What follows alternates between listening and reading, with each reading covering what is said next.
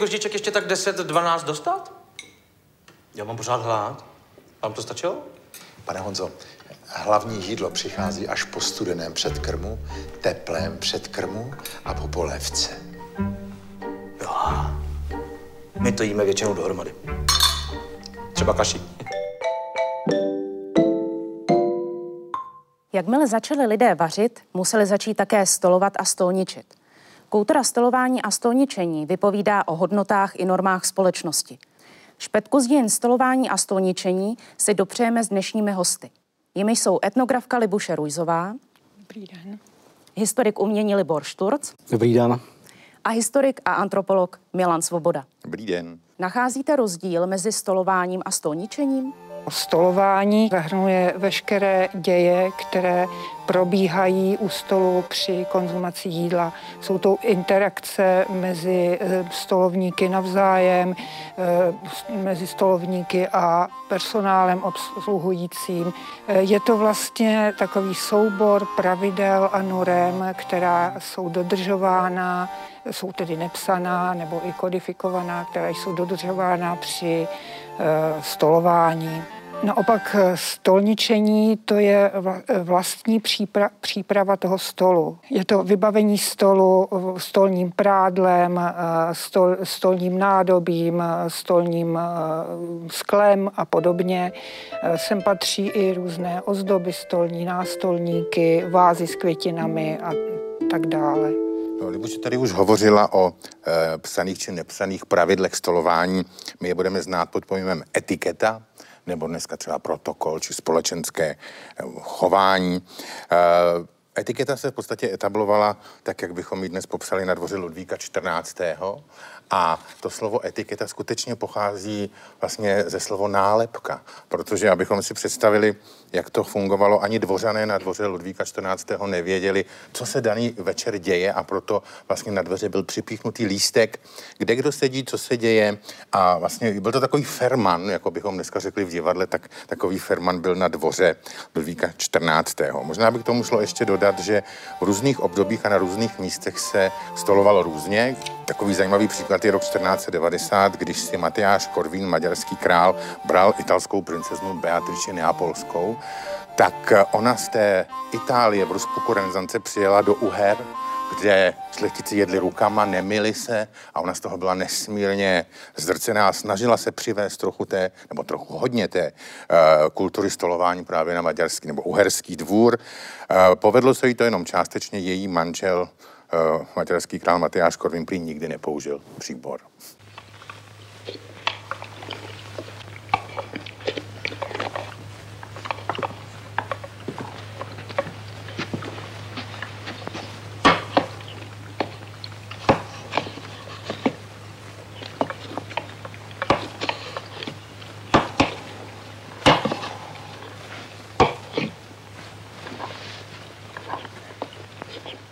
Mi dáváš do zvláštní misky? Co pak jsem prašivý? Společným jmenovatelem stolování a stolničení je stůl. Lze jej vnímat pouze jako ohraničenou, vymezenou plochu, nebo je jeho součástí také okolní prostor? Stůl se používal v podstatě už od těch nejstarších dob. My ho známe už z Mezopotámie, je znám z vyobrazení ve starém Egyptě, dokonce jsou zachovány vlastně některé stoly z vykopávek egyptských, takže představu, jak vypadal ten nejstarší stůl, máme. Potom jeho velký rozkvět byl v době starověkého Řecka, v helenské době. V té době se používaly nízké stoly, protože se vlastně u těch stolů běžně nesedělo, ale spíš leželo. Potom e, nastává jisté období jistého útlumu celého e, stolování, tedy, tedy toho, toho použití stolu. A ten stůl e, v té době románské, gotické vlastně, i když byl jednou z pěti hlavních součástí nábytkového fundusu, tak nebyl, tak jak ho dnes známe, uprostřed místnosti, ale stával někde bokem a vlastně se vytahoval a přesouval jenom v době, když se na něm eh, jaksi stolovalo. Teprve až vlastně to 16., 15., 16. století znamená velký rozvoj eh, stolu jako kusu nábytku, které potom už známe nejrůznějším způsobem dekorovaný a neustále se rozvíjí. Český Krumlov má to štěstí, že na druhém nádvoří jsou rodinné archívy. Rožmberské, Egmberské, Schwarzenberské. A archivní zdroje jsou v tomto velice bohaté a poučné. Stolování, okázala konzumace pokrmu byla významnou událostí každodenního i slavnostního života na aristokratickém dvoře. Toto je typická ukázka eh, stolování a la Frances, které se ukazuje v gastronomii od 16. do 18. století a spočívá v symetrickém rozložení jídelního nádobí z pokrmy po celé ploše stolu a dominantní centrální místo zaujímá mistrovské kulinářské dílo.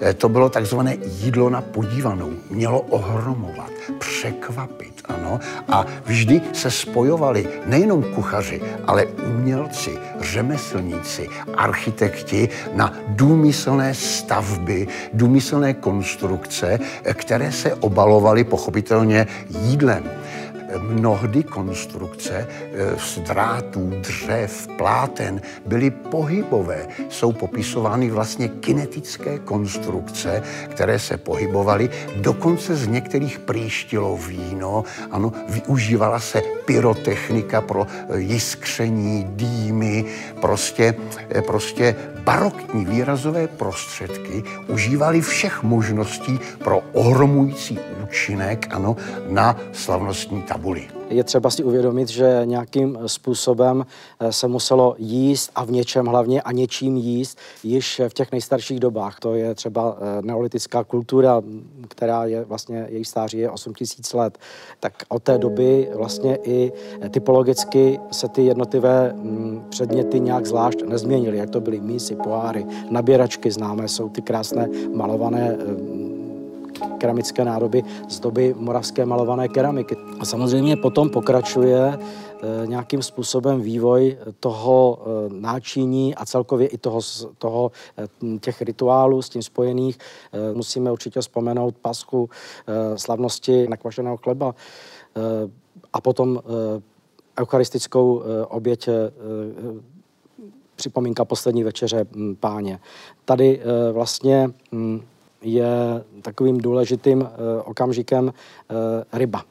Ryba, která eh, ale nemá přímo tu spojitost s stolováním a s tím jídlem, ale je vlastně jenom akrostechem, protože ichtis znamená řecky ryba a to se dá vlastně, tak říkajíc, rozklíčovat ty jednotlivé písmena toho jako řecky Ježíš Kristus, syn Boží spasitel.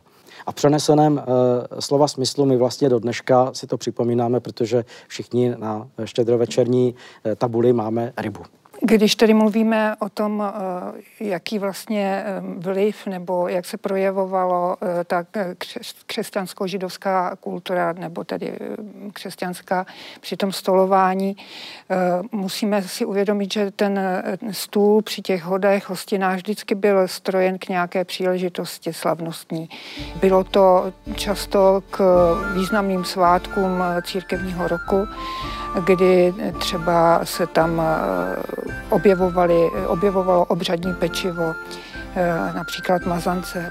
Pečivo bývalo eh, většinou kruhovitého nebo dost často kruhovitého tvaru. Tvar kruhu, ten, to je vlastně jeden z nejrozšířenějších a nejstarších geometrických eh, symbolů. Eh, je inspirován tvarem nebeských těles, měsíce a slunce. Znamená tedy počátek i konec. Je to velmi, velmi významný symbol. To pečivo bylo pečeno většinou z té nejlepší mouky.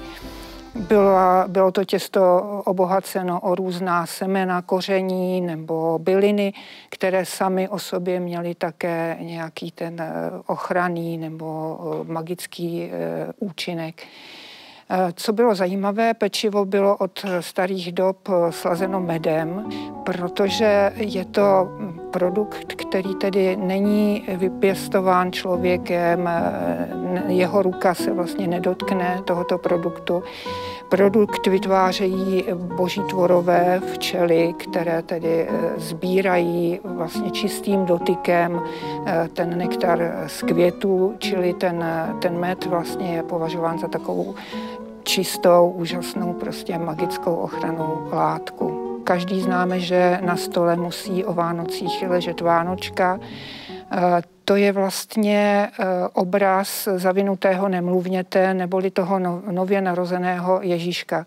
Ve starších dobách se dával na jeden konec vlastně takový malý bochánek, který představoval vlastně hlavičku toho miminka. Takže i ta Vánočka má tyto obsahy a symboly, o kterých málo kdo dneska ví.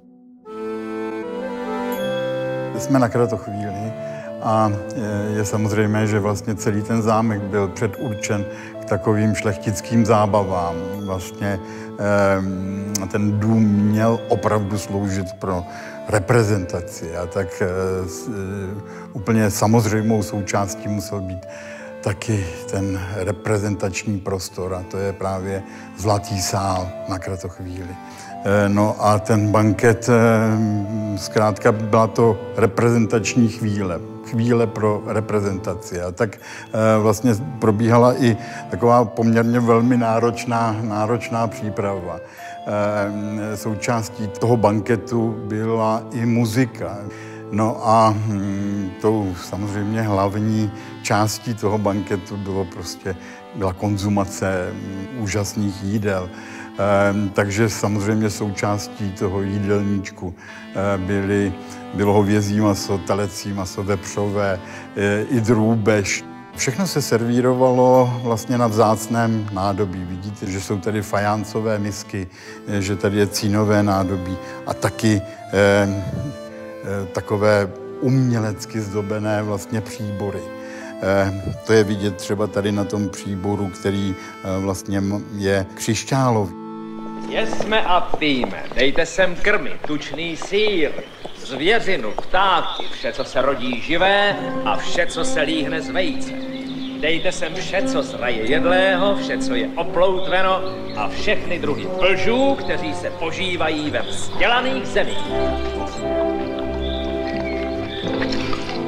Stolování doprovázely hygienické návyky, byla jejich původní funkce, jako například eh, mytí rukou, čistě eh, praktická, čistě instrumentální? Mytí a hygiena ve starých dobách eh, měla význam spíše rituální. To se objevuje i v případě stolování, kdy vlastně ten pokrm, který tedy ti lidé konzumují, je posvátný. Vždy před zahájením stolování lidé pronesli modlitby, poděkovali za boží dar a byli povinni umít si eh, ruce rituálně a buď na stole nebo poblíž toho stolu bylo eh, situováno lavabo, což je takové umyvadlo eh, s nádržkou a s kohoutkem, nebo případně jenom umyvadlo s konvicí. V zařízeních takových speciálních, což jsou kláštery, které jsou, mají svůj vlastní systém, tam vlastně ta očista probíhá takovým úplně rituálním, předepsaným způsobem, kde existují přímo e, místnosti, kterým se e, říká lavatorium. Je to většinou e, prostor, kaple, která bývá umístěna na jižní straně m, ambitu kláštera proti refektářům, proti jídelnám, kde předtím, než se jde do toho refektáře na jídlo, tak se vlastně zastavují eh, řeholníci, řeholnice, umývají si ruce, bývaly tam buď to přímo takové studniční kaple, že se eh, ta voda brala přímo z toho místa, případně tam mohly být eh, nějaké cisterny, do kterých ta voda byla přiváděna a potom si ty ruce utírali do připravených ručníků.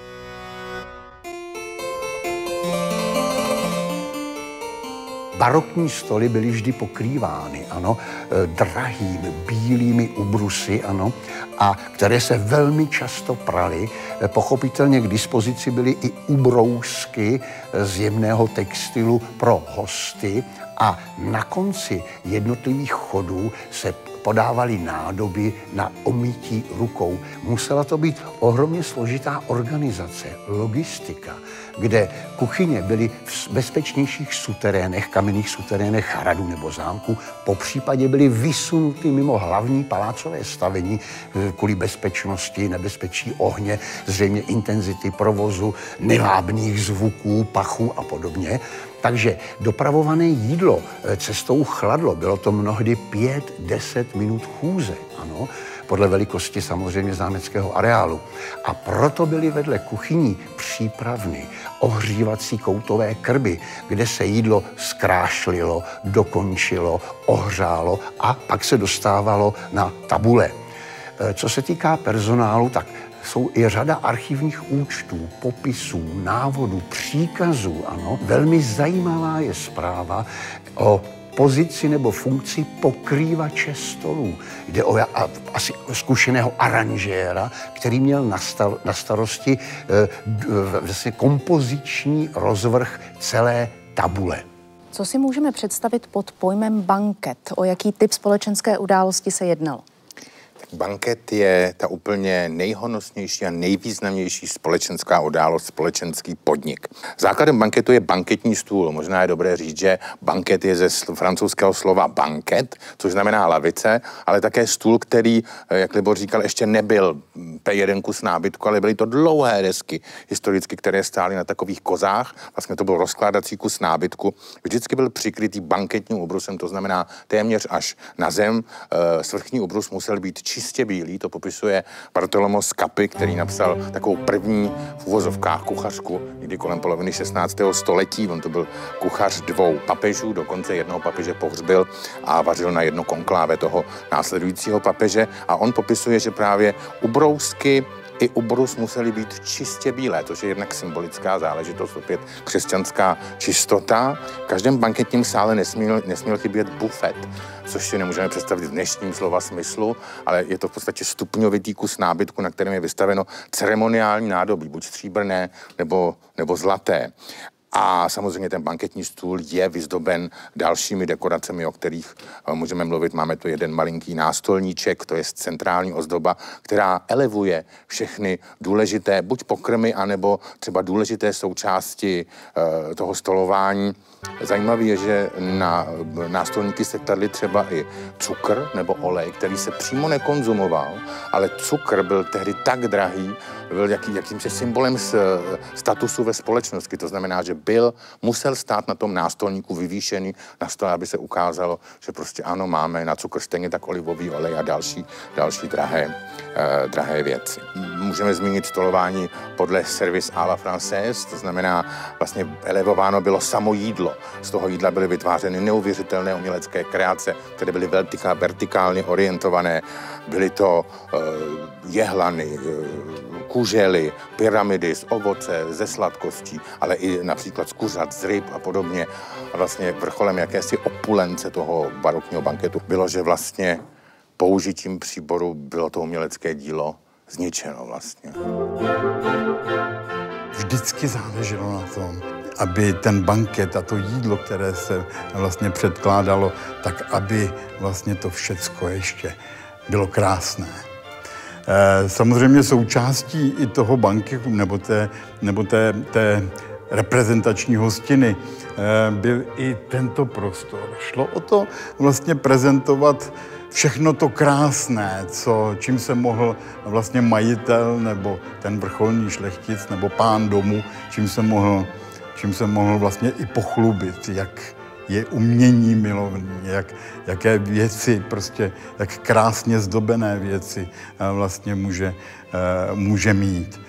chvíle skutečně měla sloužit k reprezentaci a proto se tady, tady skutečně také ty, ty slavnostní hostiny pořádali. E, takovou nesmírně významnou, významným setkáním e, bylo vysvěcení kostela. O tom taky Rožmberský kronikář píše, že 22. júlií, což bylo v den památný eh, svaté Máří Magdalény, posvěcen kostelík a oltář v oboře Kratochvíli ke cti Pánu Bohu a Paně Marii Matce Boží. Tehdy tady byla obrovská sešlost. Ono to taky šlo o významný okamžik vlastně všechny ty stavební práce vlastně tímto končily. Došlo k vysvěcení a tehdy přijel vlastně přítel Viléma z Rožmberka, dokonce barský arcibiskup, tak to byla jedna z těch slavných příležitostí, kdy se eh, rozhodně na chvíli konal banket, honosný banket. Ty ubrusy byly nejenom, že krásně bílé, ale byly naškrobené a často se, dost často se ozdobně skládaly do tvaru čtverců nebo trojuhelníků. Potom eh, se tam nacházelo množství ubrousků, každý host měl minimálně dva ubrousky, eh, Jeden, jedním si otíral ústa, druhým třeba podkládal pečivo nebo, nebo příbor. Byly skládány do nejrůznějších tvarů rostlin, květin, například leknínů nebo lilií, do tvaru zvířat třeba ptáků, holubic, labutí a podobně.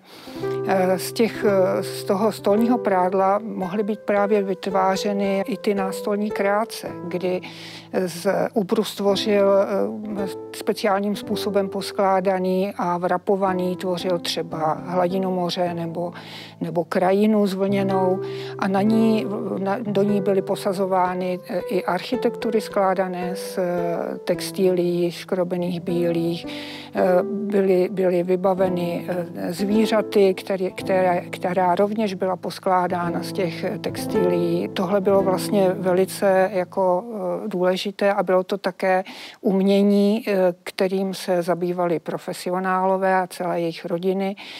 Ty, ty ta tajemství těch skladů se dědila v, v rámci rodiny, takže když potom třeba eh, rodina vymřela, tak zaniklo i to tajemství skládání některých typů ubrousků. A co kdybychom zmínili jeden banket českého prostředí z roku 1600? V Českém Krumlově na dominiu Petra Voka z Rožmberka se tehdy konala svatba Jana Zrínského a Magdaleny Novohradské z Kolovrat. A e, v archivních dokumentech je popsáno, že do Českého Krumlova se v tom roce 1600 sjelo 900 hostů. A to malé město bylo zcela zacpáno kočáry, které bránili uh, zásobovacím povozům s kravami, takže prostě nemohli se vůbec v tom městě uh, vyminout. Hostů na zámku bylo tolik, oni teda samozřejmě všichni nestolovali v jednom sále, to by nešlo. To bylo společensky odstupňováno, ale na, na zámku nebylo dost nádobí takže Petr Vok z Roženberka si půjčil nádobí ve městě a půjčil si dokonce i stolní prádlo a lidé si podepisovali monogramy, vyšívali si monogramy v domění, že ještě někdy to prádlo a to další stolní náčiní uvidí, což se prý nestalo. Kokoška, udělej něco. Hop, Hopla. Hop.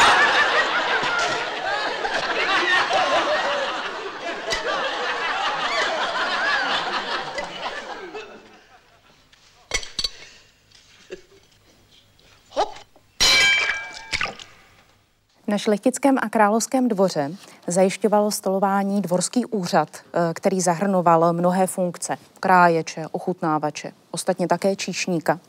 Co bylo jejich posláním? Co vykonávali, zajišťovali jedinci reprezentující tyto funkce? tak nejvyšším šéfem na každém eh, dvoře královském nebo šlechtickém nebo i císařském byl hofmistr. To byl muž, který prostě odpovídal za nebo to byla postava odpovídající za chod dvora. A pod ním bylo hierarchicky rozčleněno další uspořádání dvorských úřadů podle toho, co který uh, úřad vykonával.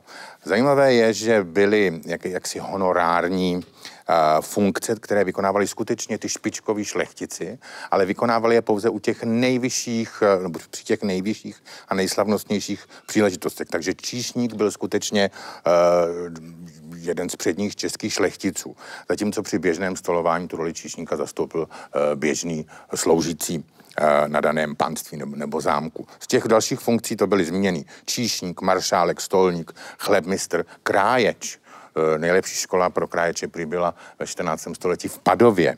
A, a do dneška teda kráječi jsou a jsou to skutečně mistři svého oboru, protože umí rozkrájet celou krutu jenom několika pohyby toho ostrého nože. Osobě knížete Josefa Adama ze Schwarzenberku, který zaujímal pozici nejvyššího hofmistra na dvoře císařovny Marie Terezie ve Vídni, máme úžasně vzdělanou osobnost, která organizovala přímo tyto slavnosti zde na Českém Krumlově a zachovala, zachovalo se řada pokynů a příkazů. Jakmile v, té, v tom sledu archivních účtů narazíte na první účet za svíčky, potom za 50 liber čokolády, za dovoz surovin ze zámoří, z nejbližšího lince, nebo pokyny a příkazy okolním zemědělským usedlostem, vesnicím a statkům o dovozu surovin, tak je nepochybné a jasné, že se blíží eh, termín nějaké okázalé slavnosti. Období baroka kvalitu a rafinovanost jídel umocňovala přepichová výzdoba. Stolní dekorace ukrývaly nejrůznější významy. O čem všem vypovídali? Vždycky ten stůl byl strojen k nějaké příležitosti. To znamená, i ta stolní dekorace se vztahovala k té příležitosti, ke které byl ten stůl vypravován.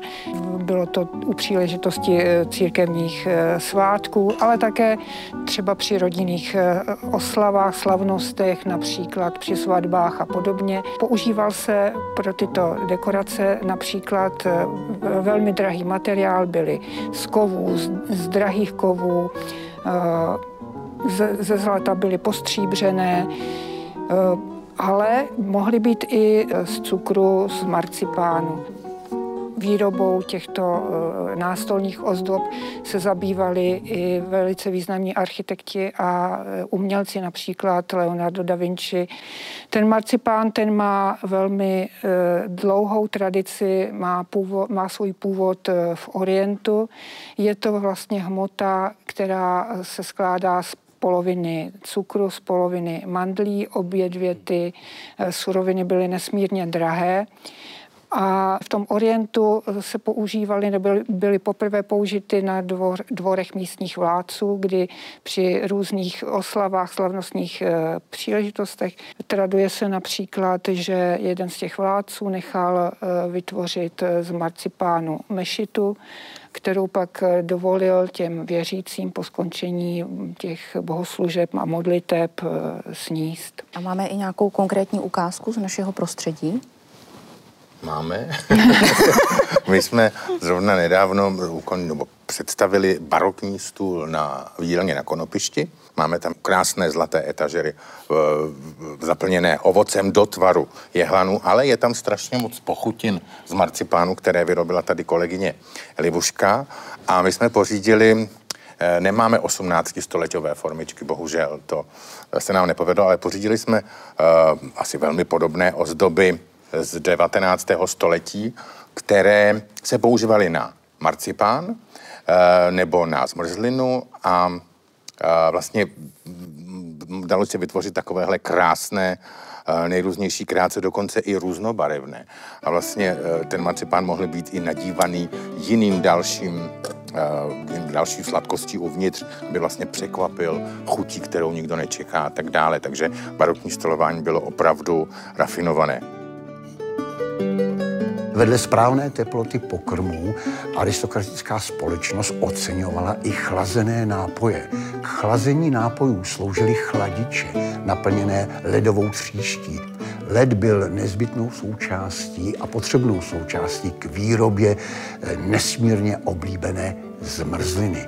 Už v 18. století eh, existovaly speciální konstrukce strojů na výrobu zmrzliny a pomocí přírodního barviva zmrzliny dostávaly různé barevné tóny a s forem zmrzlinová hmota imitovala ovoce, zeleninu a na panských stolech ta barevná škála zmrzlinových výrobků e, působila velice mimořádným dojmem. Já jsem si dovolil přinést ještě zajímavost, když mluvíme o zmrzlině, vyrábět zmrzlinu muselo být, nebo bylo v té době velmi složité. Tohle je uh, anglický sorbetier, to je kontejner, kam se vložila ta uvařená zmrzlina.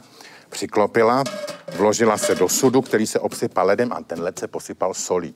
Tím vznikl chemickou reakcí vlastně velice chladný prostředí minus 20 stupňů mrazák té doby a pak se tak dlouho mrazilo, otáčelo a seškrabávalo, aby přemrzla další tekutina, až byl sorbet nebo zmrzlina hotová a ta se pak servírovala v salonu z těch krásných chladičů. Příbor se v západní kultuře stal symbolem kultivovaného stolování. Například eh, užívání vidličky vyžadovalo určitou obratnost, o čem svědčí film Pan Vok odchází v režii Karla Steklého. Jak ti říkají, holčičko? Madlenka. Madlenka. Pěkné jméno. Madlenka. No tak prosím do toho, ať nám chutná.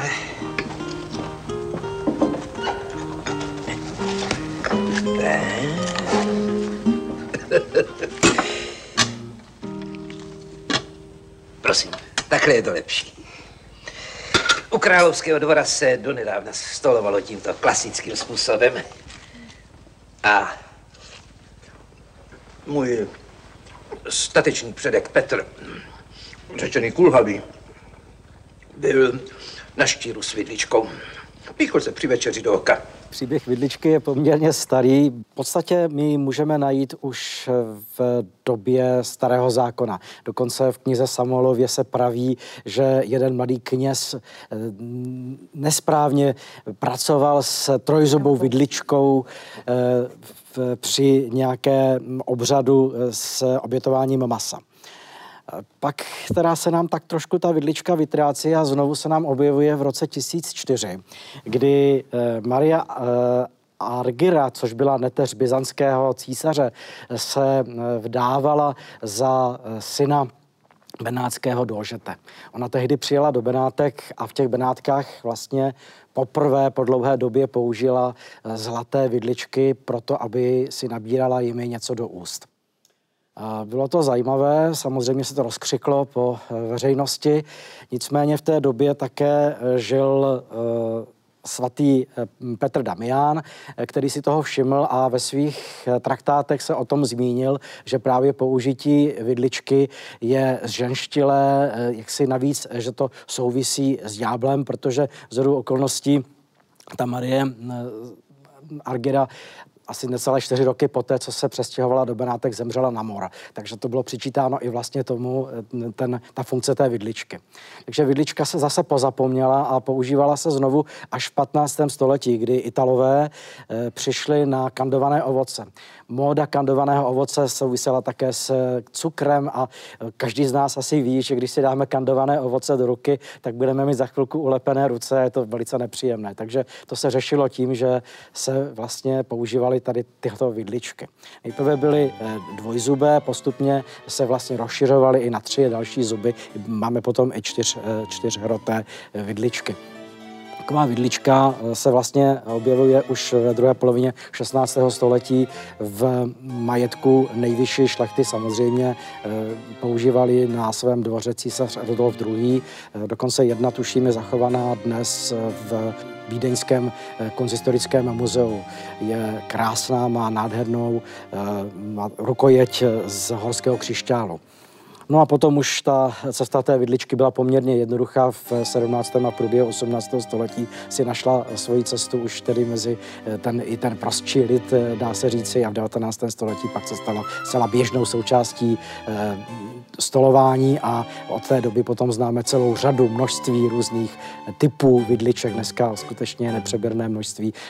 A co se příboru týče, tak od té první vidličky někdy v 11. století si dnes představme prostřený banket třeba pro 13 chodů. Neviděl jsem to teda na vlastní oči, ale uh, tam je kromě vidliček řada dalších jaksi příborů, příborů, ale i, uh, abych tak řekl, dalších nástrojů ke stolování, protože existuje třeba háček na vylouskávání ořechů. Uh, existují vidličky na hlemíždě, takže je třeba být opravdu velmi dobře vybaven znalostmi když nás někdo posadí před takto prostřený stůl, tak se mnozí z nás dostanou do úzkých, protože opravdu může nastat to, eh, že nebudeme vědět, jak co použít, ale pak je jedna rada, dá se opisovat u takového stolu.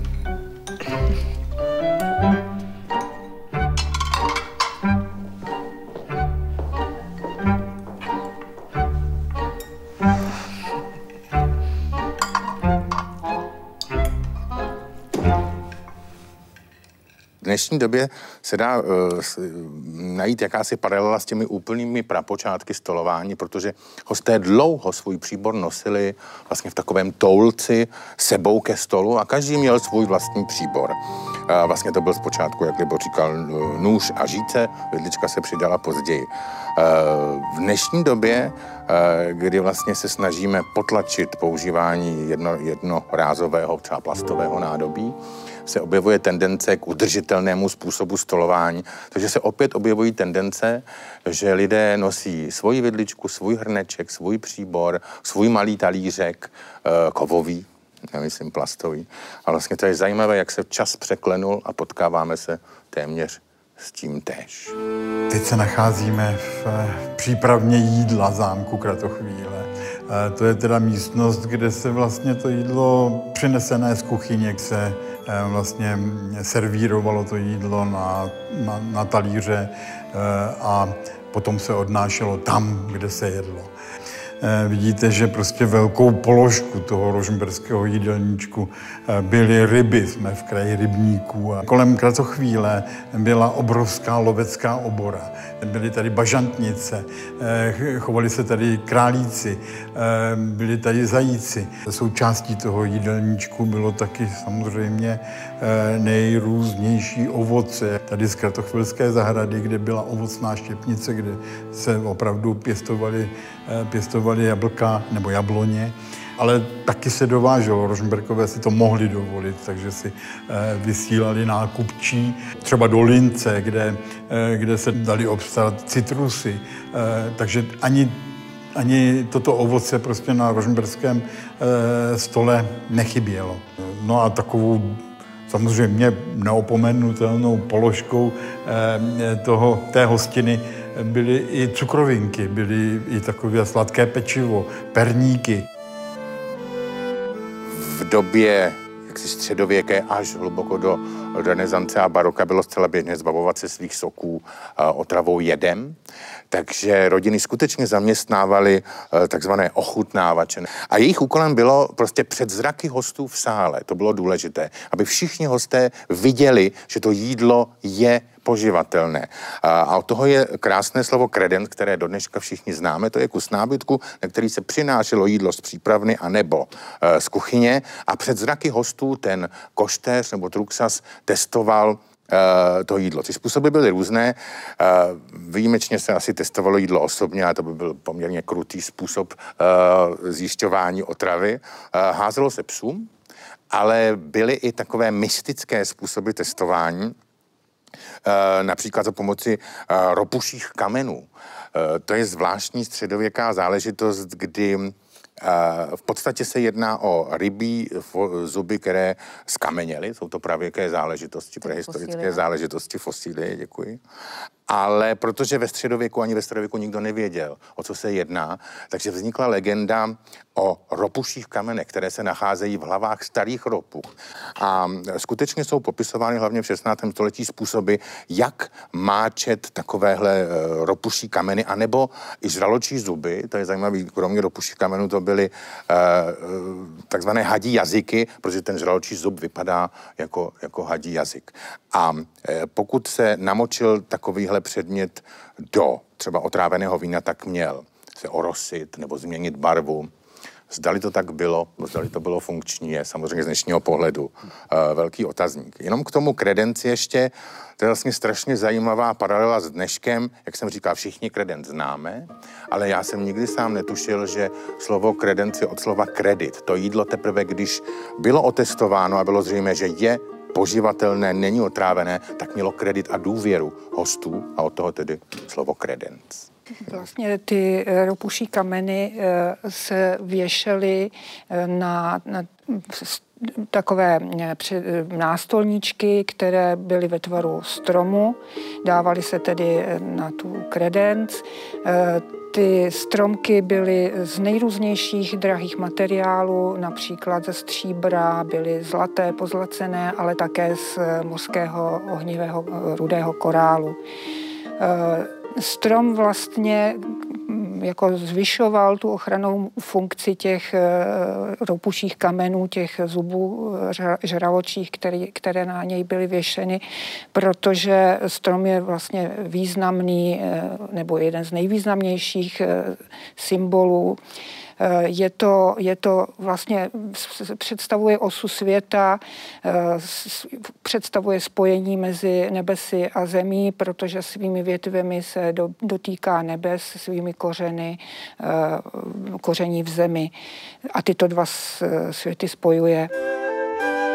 Pozice u stolu byla určena podle, podle hierarchie pozic ve společnosti.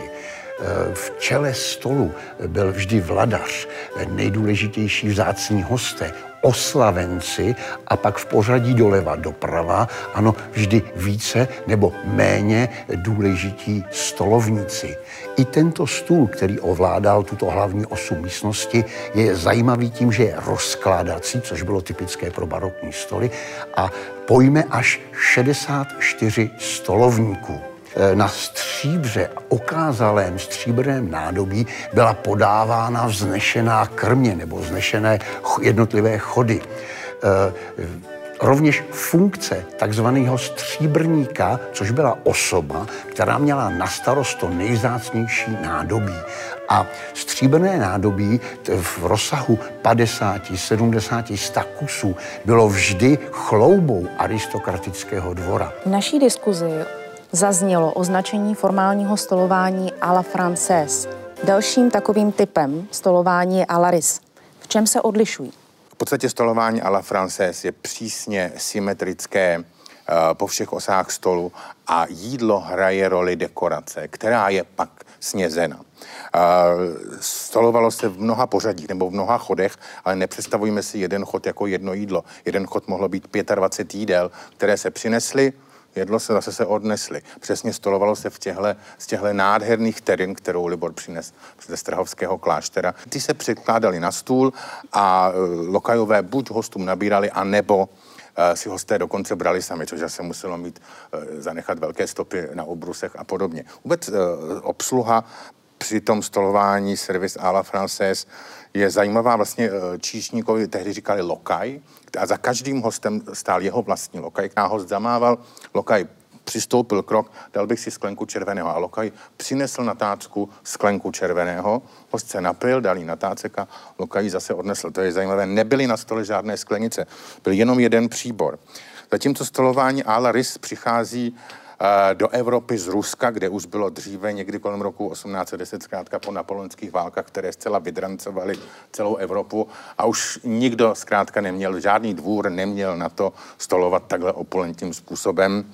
A eh, stalo se to říká se poprvé v roce 1810, kdy si rakouská arcivévodkyně Marie Luisa brala Napoleona Bonaparte, který se rozvedl se svou první ženou Josefinou v Paříži. A v tom roce 1810 se v Paříži sešl, sešla v podstatě celá Evropa a na každém velvyslanectví se konal banket. A když hosté přišli velvyslanci eh, ruského cara Kurakinovi do, na ruské velvyslanectví, tak je čekalo veliké překvapení, protože nebyly žádné pyramidy, nebyly žádné jehlany, nebyly žádní lokajové ale každý měl prostřený svůj talíř, své příbory a k údivu všech uh, hostů na, na stole byly sklenice, tak, jak se párovaly z meny, které bylo připraveno. A najednou se nebralo sterin, anebo přímo z těch naaranžovaných jehlanů, etažerů a podobně, ale přicházeli číšníci zleva a na platech přinášeli pečení, eh, kousek přílohy a tak dále. Zajímavé je, že eh, u stolování à la française, když se například rozkrájela, rozporcovala jedna veliká pečeně, tak každý host dostal v podstatě jiný kus té pečeně. Zatímco u stolování eh, à la ris, každý host dostal v podstatě identickou, identickou porci. A těch porcí mohlo být samozřejmě mnoho. My jsme byli u toho, když se vytvářela replika banketu z roku 1835, když na zámku Kinžvart kníže Metternich hostil Ferdinanda V. A ta večeře, menu se dochovalo, ta večeře měla 16 chodů. Samozřejmě nešlo o to sníst velkých 16 porcí, šlo o to ukázat uh, jaksi honosnost hospitalovy kuchyně. A byla tam tak zajímavá jídla jako uh, laníže a la serviette. Já jsem pátral, co to je. To jsou skutečně laníže vařené v mnoha možných tekutinách od šampaňského po vývar. A protože ty laníže nasákly hodně tekutiny, tak se servírovaly v tak krásně složeném ubrousku, o kterém tady e, mluvila Libuše, a to byl ubrousek ve formě lekníno. Takže dostali jste na talíři složený ubrousek a v něm byly ty laníže uvařené třeba v šampaňském. Takže e, stolování a Laris v podstatě můžeme v dobrých restauracích eh, potkat až dodnes. Stolování reflektuje výtvarné umění. Můžeme na něj spoléhat jako na objektivní a důvěryhodný pramen a zdroj informací? Podle mého názoru určitě ano, protože vlastně to stolování bylo vždycky odrazem té doby a toho, co ten malíř v té době znal za způsob eh, stolování. V některých případech ji eh, to stolování nějakým způsobem upravoval, ale dá se všeobecně tak nějak generalizovat, eh, že to tak bylo. Konec konců eh, i na našem území jsou ukázky stolování v výtvarném eh, umění už známy například eh, z kodexu Vyšehradského, z Jenského kodexu, Kutnohovského graduálu, kde všude jsou miniatury, kde je nějakým způsobem vyobrazena většinou poslední večeře páně či něco podobného, co vlastně nám ukazuje, jak taková, takové stolování vypadalo. No a to už nehovořím potom o pozdější době, kdy už v tom 15., 16., 17., 18. století zcela běžně Existuje celá uh, série nebo řada obrazů, které nám uh, ukazují, jak vypadala taková hostina. Uh, speciál, speciálně potom uh, jsou to fresky, které uh, nalezáme v refektářích výdelná klášterů, uh, které obvykle ukazují poslední večeři páně, ale také velmi často svatbu v Káni Galilejské, což byla uh, vlastně taková možnost, kde už bylo možné ukázat i takové méně, okázat, méně, méně jaksi svá vázané eh, stolování a způsoby jídla.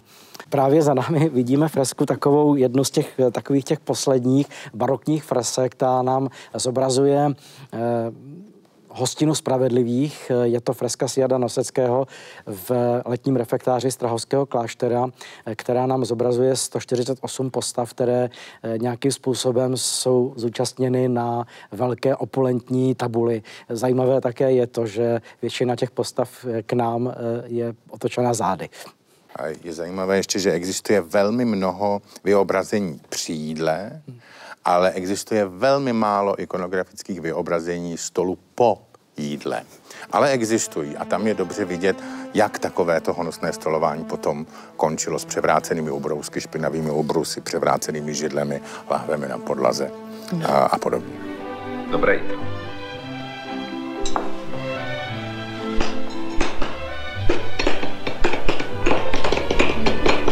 Co nám zde stolování zůstalo jako nedílná zásada a pravidlo?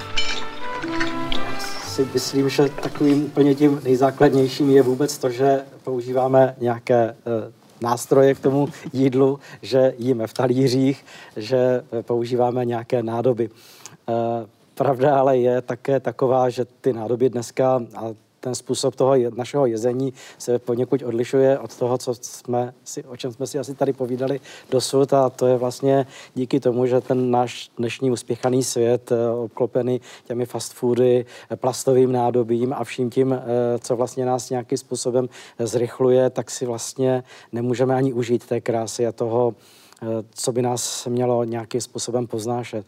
Takže za mě, eh, já si myslím, že bychom eh, měli opět se vrátit nějakému vhodnému designu a více se eh, věnovat právě tomu, čím jíme a v jakém prostředí jíme. Já si myslím, že zůstala pohostinnost a také vysoká gastronomie.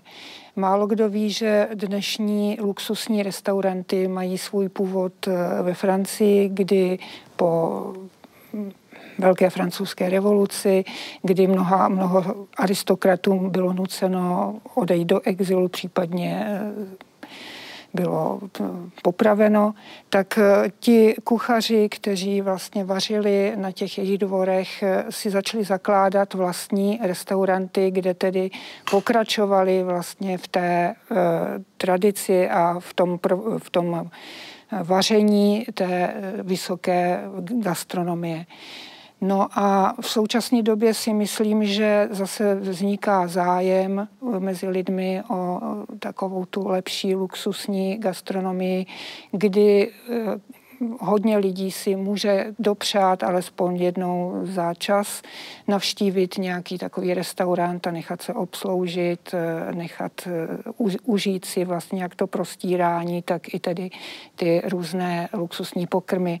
Já bych rád zmínil tu etiketu, to je ta pravidla, která jsou psaná či nepsaná a která mám takový pocit v dnešní době velmi rychle mizí mizí pravidla zdvořilého chování ve stole. Zdvořilý je, slyšíme ten šlechtický či královský dvůr.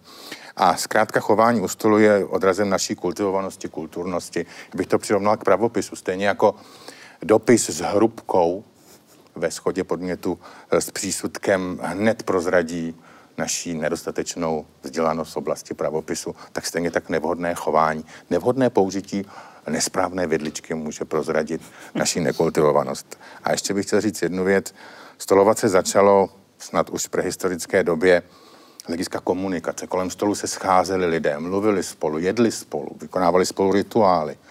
Dnes se ocitáme v situaci, že obědváme se svým mobilem a proto bych chtěl všechny vyzvat, jsme spolu, budeme si více rozumět.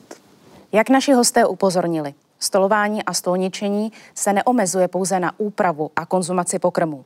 Reflektuje naši kultivovanost, vybrané způsoby chování, pravidla a zvyky společného setkávání nejenom u kulatého stolu. Děkuji hostům za účast, vám divákům za pozornost. Těším se na příští setkání u dalšího vydání pořadu Historie CS.